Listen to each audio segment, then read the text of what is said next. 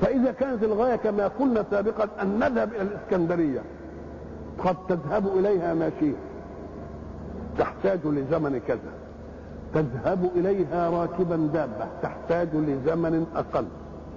تذهب إليها راكبا عرب أوتوموبيل. تذهب إليها راكبا طيارة. تذهب إليها راكب صاروخ. تذهب إليها راكب حاجة يبقى فوق الصاروخ. الله يبقى كل ما بتيجي الوسيلة قوية الزمن بإيه؟ لأننا نعلم أن القوة تتن... القوة الفاعلة في النقلة تتناسب مع الزمن تناسبا عكسيا كل ما زادت القوة يقل إيه؟ يقل الزمن وما دامت غايتي أنا أن أذهب الإسكندرية يبقى الذي يعجل لي الزمن الذي في الإسكندرية أحسن ولا وحش؟ طب ما دامت الغاية أن نذهب إلى لقاء الله وأن نعيش في جواره وفي معيته هي دي الغاية؟ وبعد ذلك يعجل الله ببعضنا فيأخذهم من أخطر طريق. يبقى دي أحسن ولا مش أحسن؟ يبقى إذا الناس بتنظر إلى الموت نظرة حمقى ولا لا؟ ده بيقرب من الغاية. إيه اللي هيزعلني؟ ولا تحسبن الذين قتلوا في سبيل الله أمواتا. أنتوا خايفين من الموت. لا ما هماش ميتين. ده حياتهم حياة موصولة. ده اللي هيموت هو اللي هيجي عليه الموت. صحيح إنما اللي ينقتل شهيد ده حياته موصولة. ده الفترة بتاعة الموت بتاعنا دي مش هيمر به بس افهموا أنهم أحياء ليس عندكم ولكن عند ربكم. الله. يبقى بقانونه. ما تحكمش قانونك أنت. أنت يمكن لو فتحت القبر هتلاقيهم اشلاء ده قانونك. هم عندك أشلاء وأموات. إنما عند ربهم. احياء ولا تحسبن الذين قتلوا في سبيل الله امواتا بل أحياء عند ربهم يرزقون. الله. أما قال لك لأن هي ال ال ال الحياة بتختلف عن الموت في إيه؟ إن الإنسان إذا انقطع انقطعت حياته في ظاهر الأمر انتهى ما عادش بينتفع برزق ولا بياكل لأن الرزق معمول ليه؟ مش عشان استبقاء الحياة؟ وما دام الرزق صنع لاستبقاء الحياة وما فيش حياة يبقى ما فيش انتهت المسألة. لكن الشهيد بده يديك مواصفات أنه حي حي. وضروريات الحياة أنه يرزق. ويرزق يعني ينتفع باستبقاء الحياة. بس المهم أن تفهم أن العندية عندك غير العندية عند الله. إياك أن تحاول أن تطبق المسألة على قانونك أنت. يبقى هو عند ربه حي.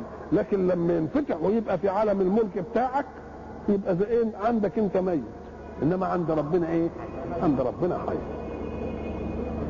يرزقون. والرزق ده هو الإيه؟ الخاصية اللي توجد لمين؟ للاحياء ويرزقون. طب من الجائز جدا انك انت تاخد واحد وتسجنه وتخليه حي انما يبقى آه مرزوق برضه بتدي للمسجون اكل وشرب ولا لا؟ انما هو فرح بموقعه يبقى ما دام فرح بموقعه يبقى ما هنا خير مما عندكم ما دام فرح بموقعه يبقى ما هنا خير مما عندكم فرحين بما آتاهم الله من فضله. الله فرحين بما آتاهم الله من فضله. العدل كلها أن نموت. وإنما الفضل أن يعجل ها، بالاستشهاد انقضاء الحياة لمن يحب. أكن دي فضل ولا لا؟ دي فضل. فرحين بما آتاهم الله من فضله. ومش بس كده الأخوة الإيمانية بقيت فيهم كخاصية الأحياء بل ألقى وأبقى من خاصية الأحياء. الخاصية الإيمانية إنه بيحب لأخوه ما يحب لنفسه. إذا كنا في الدنيا بنحب لأخونا ما ن- لأخينا ما نحبه كذلك هم مما يدل على بده ينمي لك الحياة يرزق. وفي مواجيد وفرحان.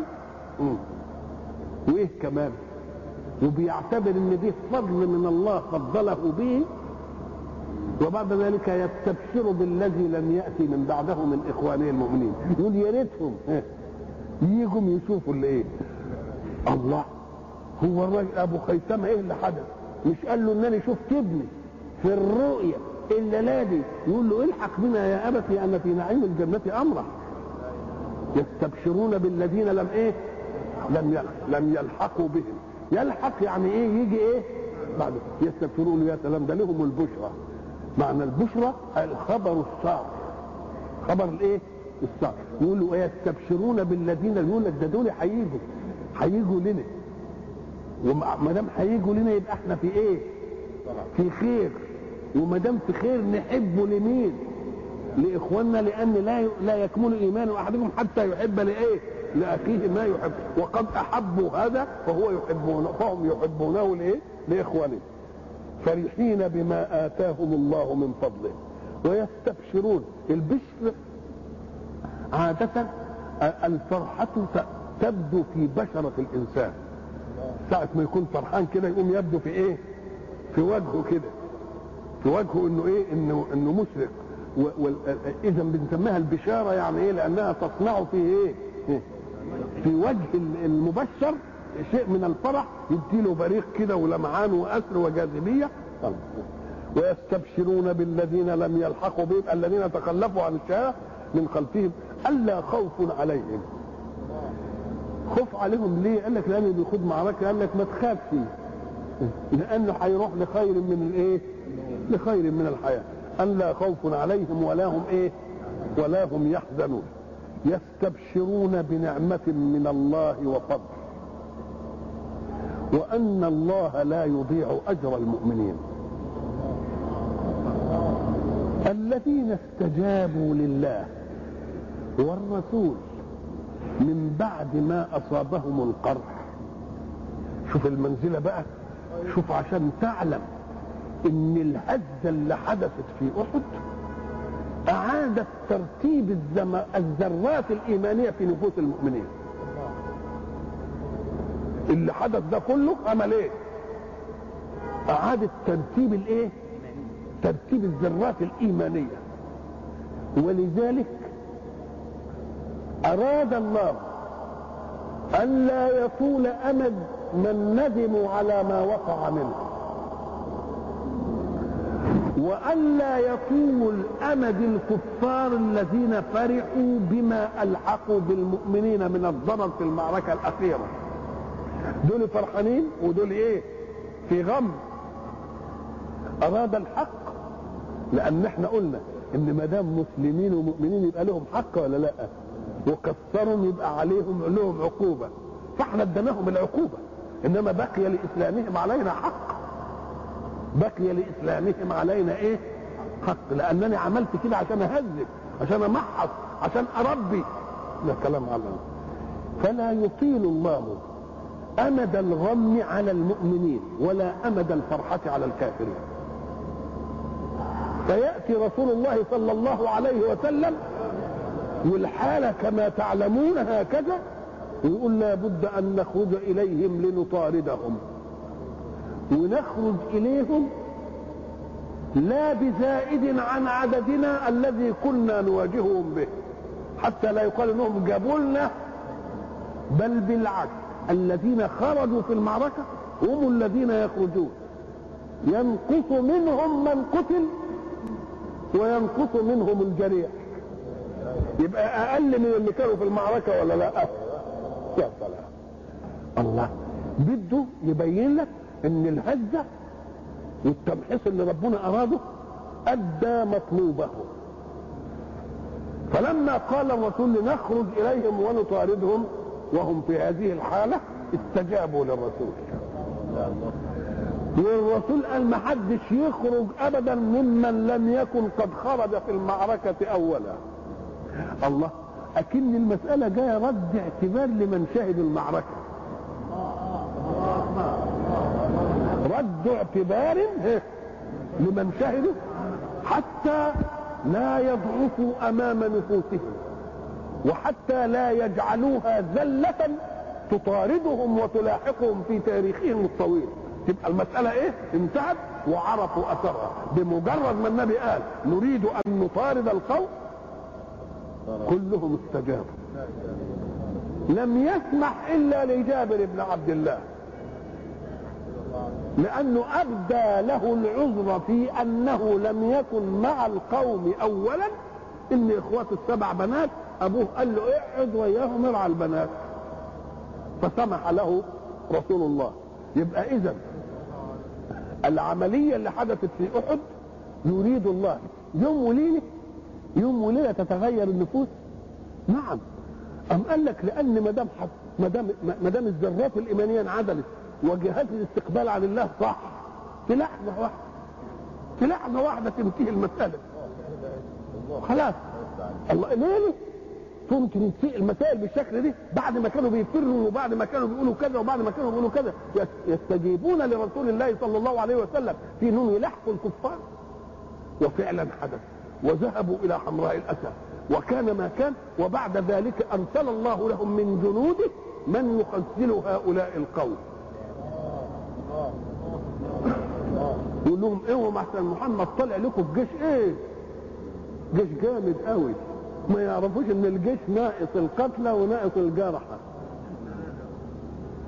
وبعد ذلك إيه؟ يفرون. الذين استجابوا. شوف كلمة بقى استجابوا. مقابلة لخالفوا أمر رسول الله وهم الرماة. اتعلموا بقى. اتعلموا. تبقى الدرس خد وضعه ولا لا؟ يبقى أن هذا يجي جوابها هنا ولا لا؟ أيوه لازم علشان تنعدلوا وهوريكم إنكم عدلتوا وهوريكم إنكم عدلتوا الذين استجابوا للرسول. لله والرسول. من بعد ما أصابهم القرح. ده استجابوا هم إيه؟ وهم تعبانين مألومين بالجراح. لأن ولا واحد منهم لما إيه؟ إلا لما نالوا شيء. ومع ذلك استجابوا لله وللإيه؟ وللرسول. من بعد ما أصابهم القرح وإحنا قلنا القرح والقرح يا هتقولها الإيه؟ الألم أو الجرح. الاثنين زي بعض. من بعد ما أصابهم القرح. قرح. للذين أحسنوا منهم واتقوا أجر عظيم. أحسنوا في الاستجابة. وأجر عظيم ليه؟ لأن ما حدث منهم من أمر المخالفة اعطيناهم إيه؟ عقوبته العقوبة عليه زي ما قلنا ده بقى الصفي لبن غما بغم لكي لا تأسوا الذين قال لهم الناس إن الناس قد جمعوا لكم فاخشوهم. الله ده المسألة مش كده ده كمان برضه المنافقين قعدوا برضه يروجوا. يقول لهم هو ده هم بقى راحوا وجوم مدد لهم من, من عمالين يخوفوه. ومع ذلك إيه؟ استجابوا استجابوا الذين قال لهم الناس إن الناس الناس قالوا إنه الشيطان تب يعني تمثل في صورة كذا. وليه ما دام في منافقين موجودين ها؟ إحنا هنبعد ليه.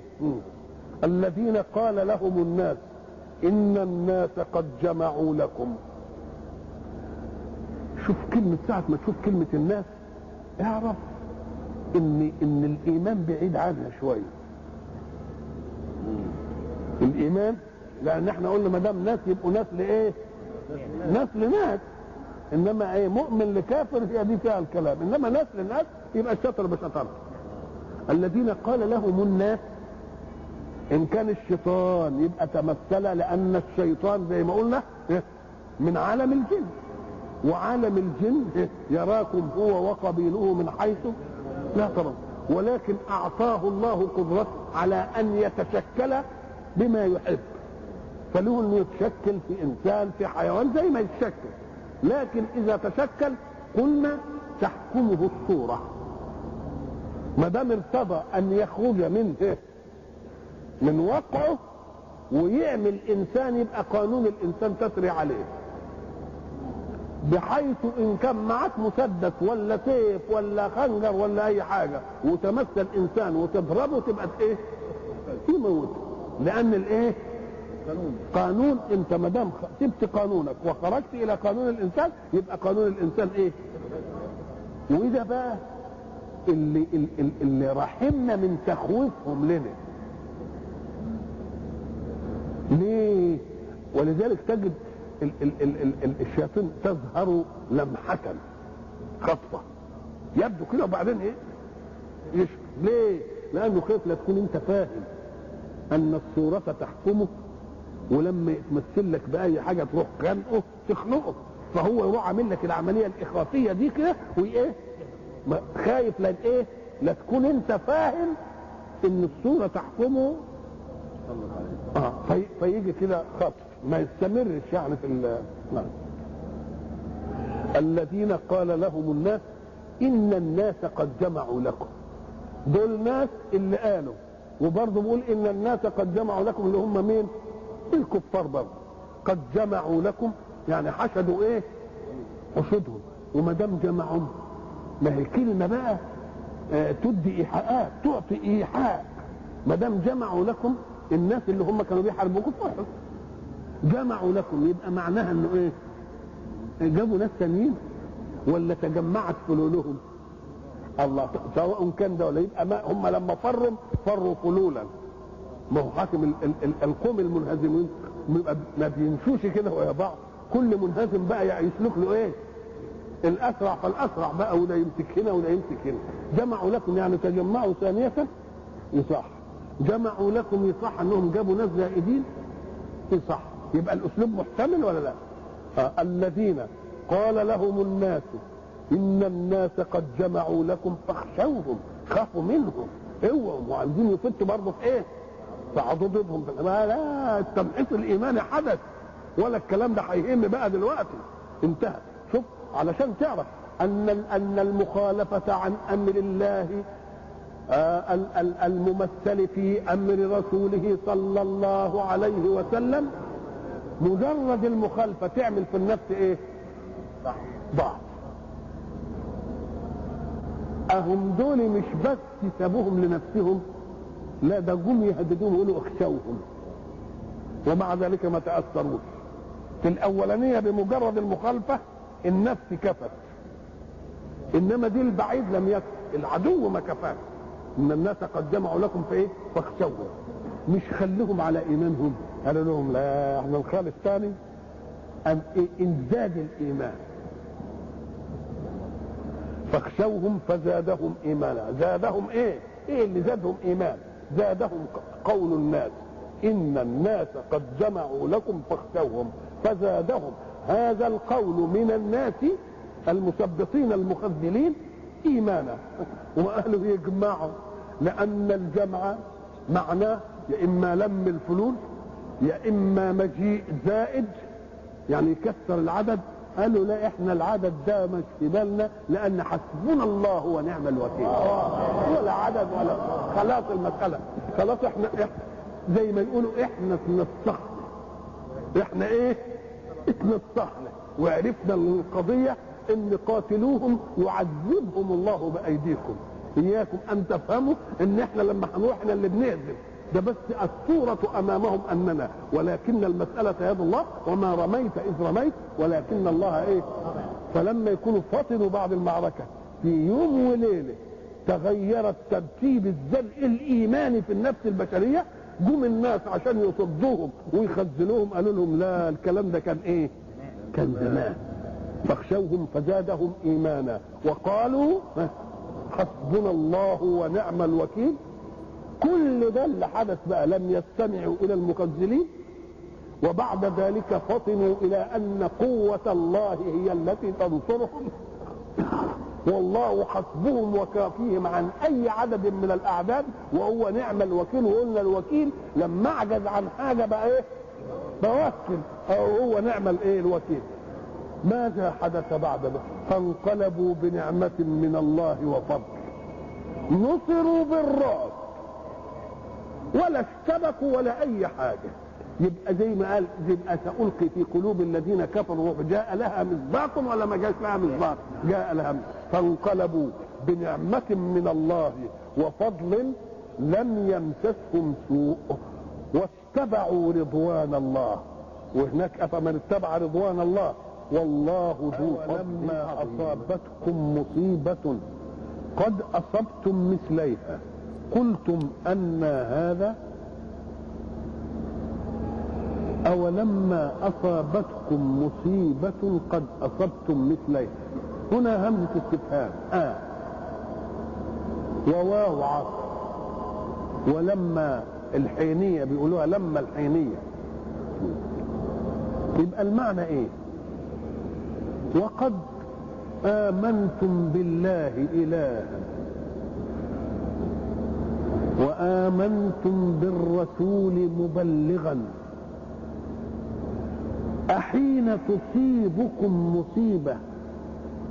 قد أصبتم مثليها. تقولون أن هذا كان المنطق ألا تسألوا هذا السؤال أبدا. ليه؟ لأن أنتم آمنتم بإله عادل له سنن لا تتبدل ولا تتحول. أكان يترك السنن من أجلكم؟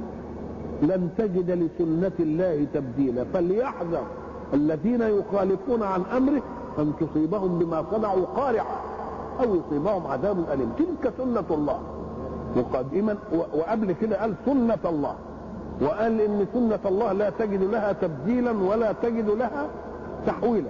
فلو أنكم استحضرتم الإيمان بالإله الذي أطلق السنن في الكون ليسوس به أمر ملكه بما يحقق أمر المصلحة ما دمتم قد آمنتم بأن الإله صنع تلك السنن فكان يجب أن تعلموا أن الإله لن يجامل بإبطال سننه من أجل أنكم نسبتم إليه أولا أنكم مسلمون.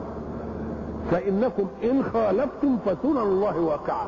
كان يجب أن تفهموها وكان يجب أن لا تسألوا هذا السؤال.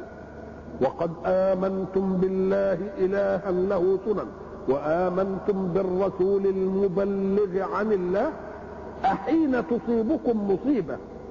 مع هذا الإيمان قد أصبتم مثليها. يا ريت إن المصيبة دي جاية ابتداء. ده أنتم حصل منكم إنكم أصبتوا خصومكم وليتكم أصبتموهم مرة لأنتم أصبتم مثليها. كان يجب إنكم تتقارنوا لماذا أصبتم مثليها قبل؟ ولماذا أصبتم الآن؟ كان يجب إن أنتم اللي تعرضوا عملكم على الموازين الإيمانية. فإن عرضتموه على الموازين الإيمانية ما كنتش تسألوا هذا السؤال. أما وقد سألتموه أن هذا ساعة ما تسمع أن هذا يعني إيه؟ يبقى لها معنيين. يا كيف يحدث هذا؟ يا من أين يحدث هذا؟ فإن كانت لأعيان وتحب أن تعرف زي حكاية ستنا إيه مريم. آه كلما دخل عليها آه زكريا المحراب آه وجد عندها رزقا قال يا مريم أن لك هذا؟ من أين لك هذا؟ أو أن كيف أرني كيف قال أن يحيي هذه الله بعد إيه؟ كيف يحيي هذه الله؟ يبقى مرة تبقى من أين ومرة تبقى إيه؟ كيف؟ هم بيستعجبوا الحكاية دي. قال لو كنتم مستحضرين قضية الإيمان بإله عالم وضع في كونه سننا ولن يغير سننه ولن يحولها من أجلكم أنتم. الله لا يتغير من أجل أحد. ولكن يجب أن تتغيروا أنتم من أجل الله نعم أصابتكم آه كلما آه لما لما يعني أحين حين لما حينية لأن في لما برضه زي ما ما نعرف إن لما من من إخوات إيه؟ لم ولما وإيه؟ مش مش مش من أدوات الجزم ديا ولا الناهية مش كده؟ طيب لم بتنفي ولما برضه بتنفي مش كده؟ آه آه ولما يدخل الإيمان في قلوبكم يعني هو لم يدخل إنما من الجائز إنه إيه؟ يبقى يدخل إيه؟ بعدين طيب تبقى دي اسمها لما إيه؟ الجازمة ولما يدخل الإيمان في إيه؟ في لما الثانية شرطية لما آه يقوم زيد يحصل كذا يبقى دي دي فيها شرط ومعنى الزمن يعني حين يحدث كذا يبقى فلما اسلم وتله للجبين ناديناه أن يا إبراهيم قد صدقت الرؤيا. يعني حين أسلم وتله للجبين ناديناه أن يا إبراهيم قد صدقت الإيه؟ قد صدقت الرؤيا. أهي لما دي حينية بقى. أحين يعني أوقت تصيبكم مصيبة قد أصبتم مثليها. قلتم أن هذا كان يجب أن تقارنوا. لماذا أصبتم في في في بدر من عدوكم ضعف ما أصاب منكم. ولماذا أصاب عدوكم منكم يوم أحد هذه؟ كان يجب أن تسألوا أنفسكم هذا السؤال لأن الميزان منصوب وموضوع. وما دمت أنتم غفلتم عن هذا سأجيبكم أيضا. قل يا محمد لهم ردا على أن هذا من عند أنفسكم. من عندي لقد خالفتم عن أمر الرسول وما دمتم خالفتوا عن أمر الرسول يبقى لازم ده إيه؟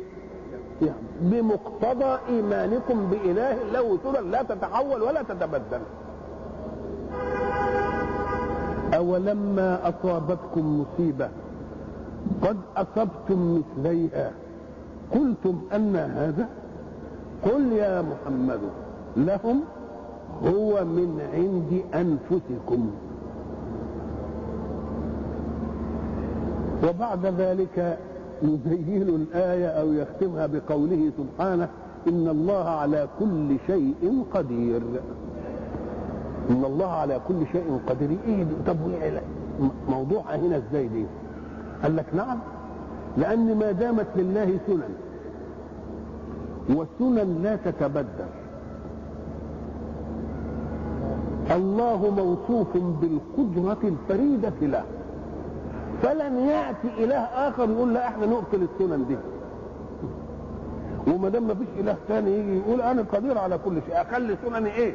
فقدير على أن تظل سنني دائما. ولا توجد قوة تزحزح هذه القضية بأن السنن تتغير. لأن السنن اللي ربنا وضعها ما الذي يغيرها؟ لازم أقوى منه. قال لك لا أنا قدير على كل شيء وقدير على أن أكون سنني في الكون. فلا تتخلف ولا توجد قوة أخرى تقول لا هذه السنة نريد أن إيه؟ نحولها. نريد أن إيه؟ أن نبدلها.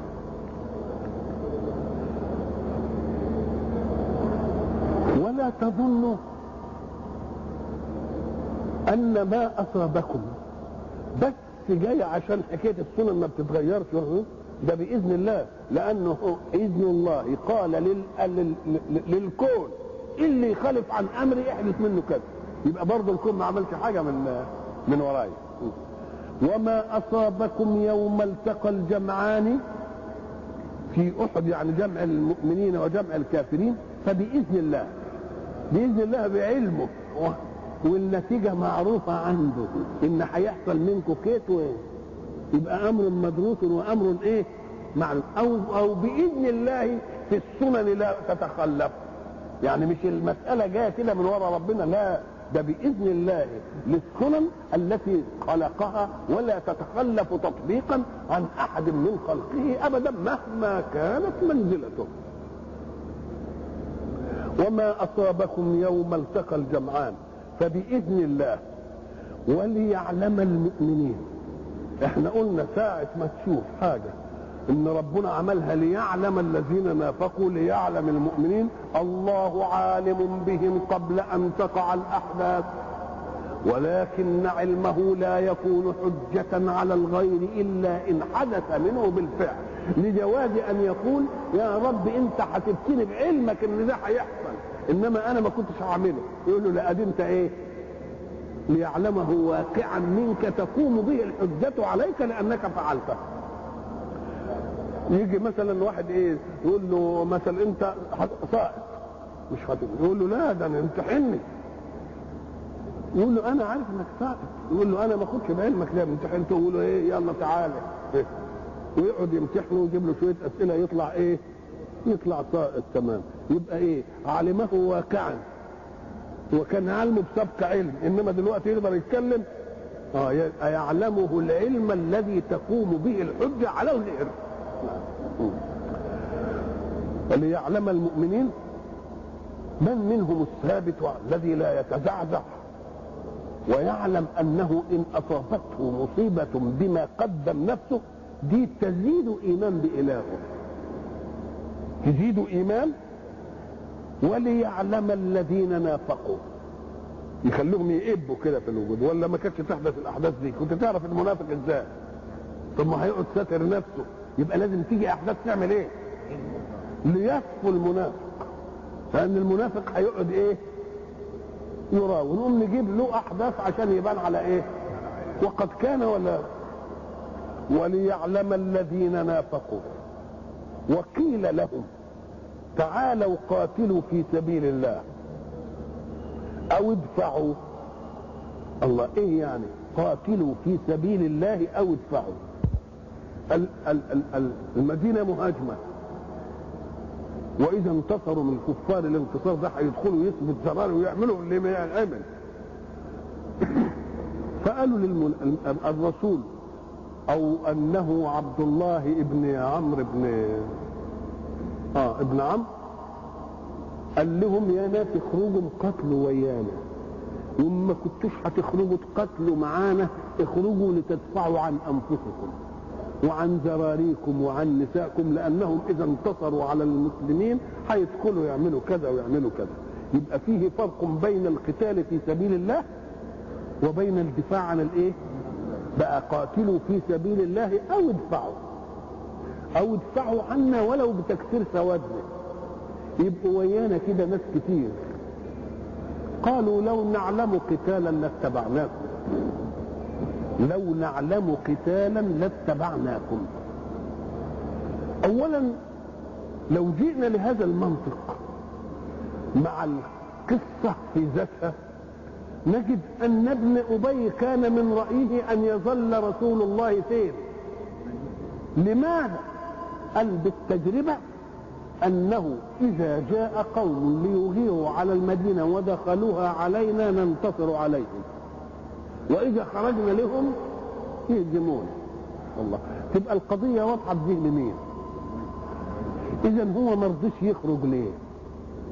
لأن هو التجارب أثبتت له أنهم إذا خرجوا عن المدينة ليحارب العدو عدوهم ينتصر عليهم. وإذا ظلوا يبقى إذا هو واثق من نتيجة الإيه؟ إن هو هيروح هيتبهدل. أوه.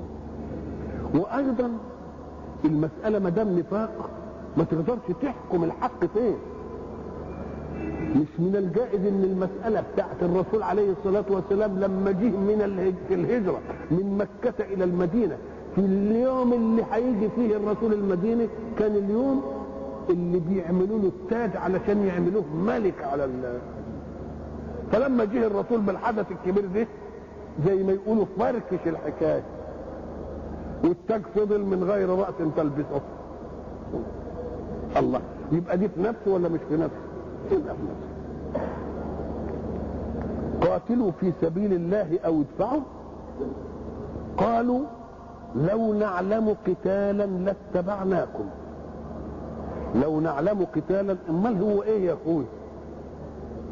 إيه ال- أمال هو إيه اللي هيكون خارج المدينة إيه؟ ده ده أنت بتقول نفسك إنك أنت لما يخرجوا يروحوا في الخارج يبقوا لازم هينتصروا علينا. هيبقى في قتال يعني.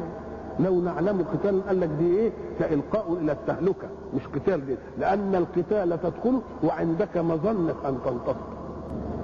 إنما ده إلقاء بالتهلكة ده مش قتال ده بقى ده ده تلقيح زي ما يقول يعني غلط يقول أنتوا بتلقحوا قتال. طيب. مم، نعم. لو نعلم قتالا لاتبعناكم. أقالها وهو صادق. هم للكفر يومئذ أقرب منهم للإيمان. الله قبل كده كانوا إيه؟ ما هو كان نفاق مستور بقى. وما دام نفاق مستور لسان يقول وقلب ينكر ويجحد تبقى المسألة إيه؟ النص. مذبذبين بين ذلك. لا إلى هؤلاء ولا إلى هؤلاء. يبقى في النص مش باين قال لك الحكاية دي خلته بقى قريب من الايه؟ من الكفر. يقولون بأفواههم ما ليس في قلوبهم. اللي إحنا كنا قلناها لما تقولون إيه؟ ما لا تفعلون. الله. يقولون بأفواههم ما ليس في قلوبهم. اذا فالقلب عمله إيه؟ النية الإيمانية. واللسان يمكن يقولوها مش ولذلك قلنا إن المنافق موزع النفس موزع الملكات. بيقول بلسانه كلام وقلبه فيه إيه؟ الكافر إيه؟ مرة واحدة. واضح أمال هم هيبقوا في الدرك الأسفل من النار ليه؟ ما هو لأنهم غشاشين. ونفسهم موزعة. يقولون بأفواههم ما ليس في قلوبهم إيه طب ما هو لا ضروري بالفم. يقولون إيه؟ لو قال يقولون ما ليس في إيه؟ قال لك لأن القول يطلق ويراد به البيان عما في النفس. أإذا بين إنسان ما في نفسه كتابة؟ مش يعتبر بقى قول ولا مش قول؟ ها؟ آه. ولذلك اللي يختشي من واحد يقول له كلام كده يقوم يكتبوا له في إيه؟ يكتبوا له في ورقة هو ساعة يكتب يقول بس يقول همسا لله قال لك لا ده بيقولوه مش بواسطة كتاب ولا ده بيقولوه بإيه؟ ودي تبجح في النفاق يعني لو كان عندهم شوية كانوا برضو إيه؟ يقولون بأفواههم ما ليس في قلوبهم يبقى ال- ال- اللسان ما اتفقش مع الايه؟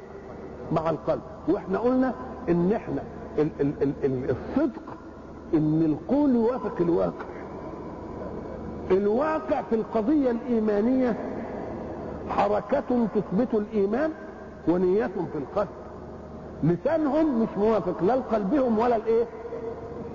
فلما كان في القلب كانت مستورة. ولما ظهرت إلى الع- الجوارح كده والعمل بقت إيه؟ ادي السبب اللي خلاهم اقرب إلى الايه؟ اقرب للكفر. اقرب للكفر يعني اقرب إلى الكفر. اقرب إلى الايه؟ إلى الكفر.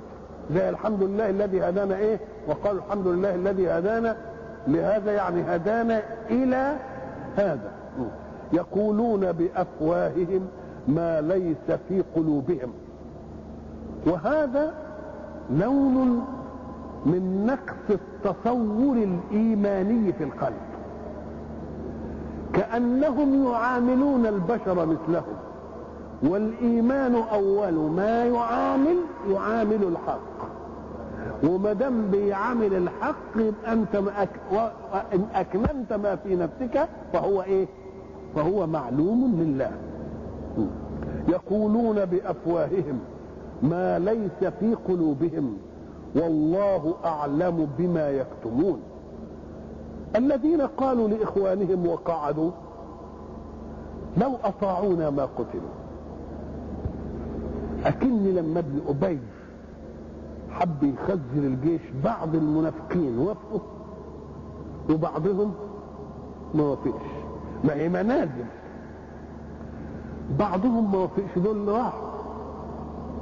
قاموا هم بقى شمتوا فيهم. قال لك لو كانوا طوعوني وقعدوا في المدينة وخلا خرجوش ما كانوش إيه؟ لا قال قوي هنأخذهم من منطقهم. هم قالوا إيه؟ هم قعدوا وقالوا لإخوانهم الجماعة اللي انقتلوا في المعركة دول يعني لازم يكونوا من شلتهم بقى. لو أطاعونا يبقى كأن قولا صدر منهم أن اقعدوا هذه أول حاجة. كأن قولا صدر منهم أن إيه؟ ان اقعدوا ولكن القوم الآخرين اللي هم يعني نفاقهم مش فاقع قوي ما طوعهمش وايه وخرجوا فحصل لهم ما حصل.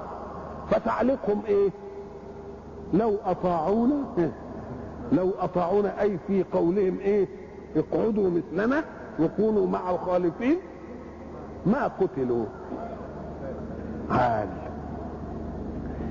طيب ربنا يرد ده إزاي رب بقى بيتكلم شوفوا بقى الرد الجميل. لو أطاعونا ما قتلوا سلمنا كلامكم. ما دام أنتوا عارفين طريق السلامة من الموت أنا هقول هقول لكم كلام من منطقكم. أنتم بتقولوا لو أطاعونا فكأن طاعتكم كانت وسيلة من للسلامة من القتل. إذا فأنتم تعرفون طريق السلامة من القتل. اللي يعرف طريق السلامة من القتل والموت دي يبقى إن كان شاطر بقى يعرف طريق السلامة من الموت. فادرأوا عن أنفسكم أنتم الموت إن كنتم صادقين. الله يبقى جابهم من إيه؟ من كلامهم نفسه لو أطاعونا ما إيه؟ ما قتل. ما دمتم تعلمون الوسيلة للسلامة من القتل والموت؟ فاستعملوا هذه المسألة في أن تدفعوا عن أنفسكم الموت. وأنتم بالمتقدمين منكم وبالحاضرين تموتون ولا تستطيعون رد الموت عنكم. إذا فأنتم لا تعرفون طريق السلامة من الموت. فكم من محارب عاد وكم من فر مات وانتهى. الذين قالوا لإخوانهم أي في النفاق بقى وقعدوا لو أطاعونا ما قتلوا. قل ما دمتم عارفين وسيلة السلامة من القتل؟ ادرأوا أي ادفعوا عن أنفسكم الموت إن كنتم صادقين في هذه القضية في أنكم تعرفون طريق السلامة من القتل ومن الموت. وهم أنهم قتلوا. يجب أن تضم إلى القضية الإيمانية قضية أن الذي قتل في المعركة ليس أهون على الله ممن سلم من المعركة. ده دول أحب لله عجل الله إيه؟ لأن إحنا قلنا ما دامت الغاية. الحدث إنما يحمد ويذم بالنسبة للغاية. فكل حدث يقربك من الغاية يبقى محمود. كل حدث يبعدك عن الغاية يبقى غير محمود.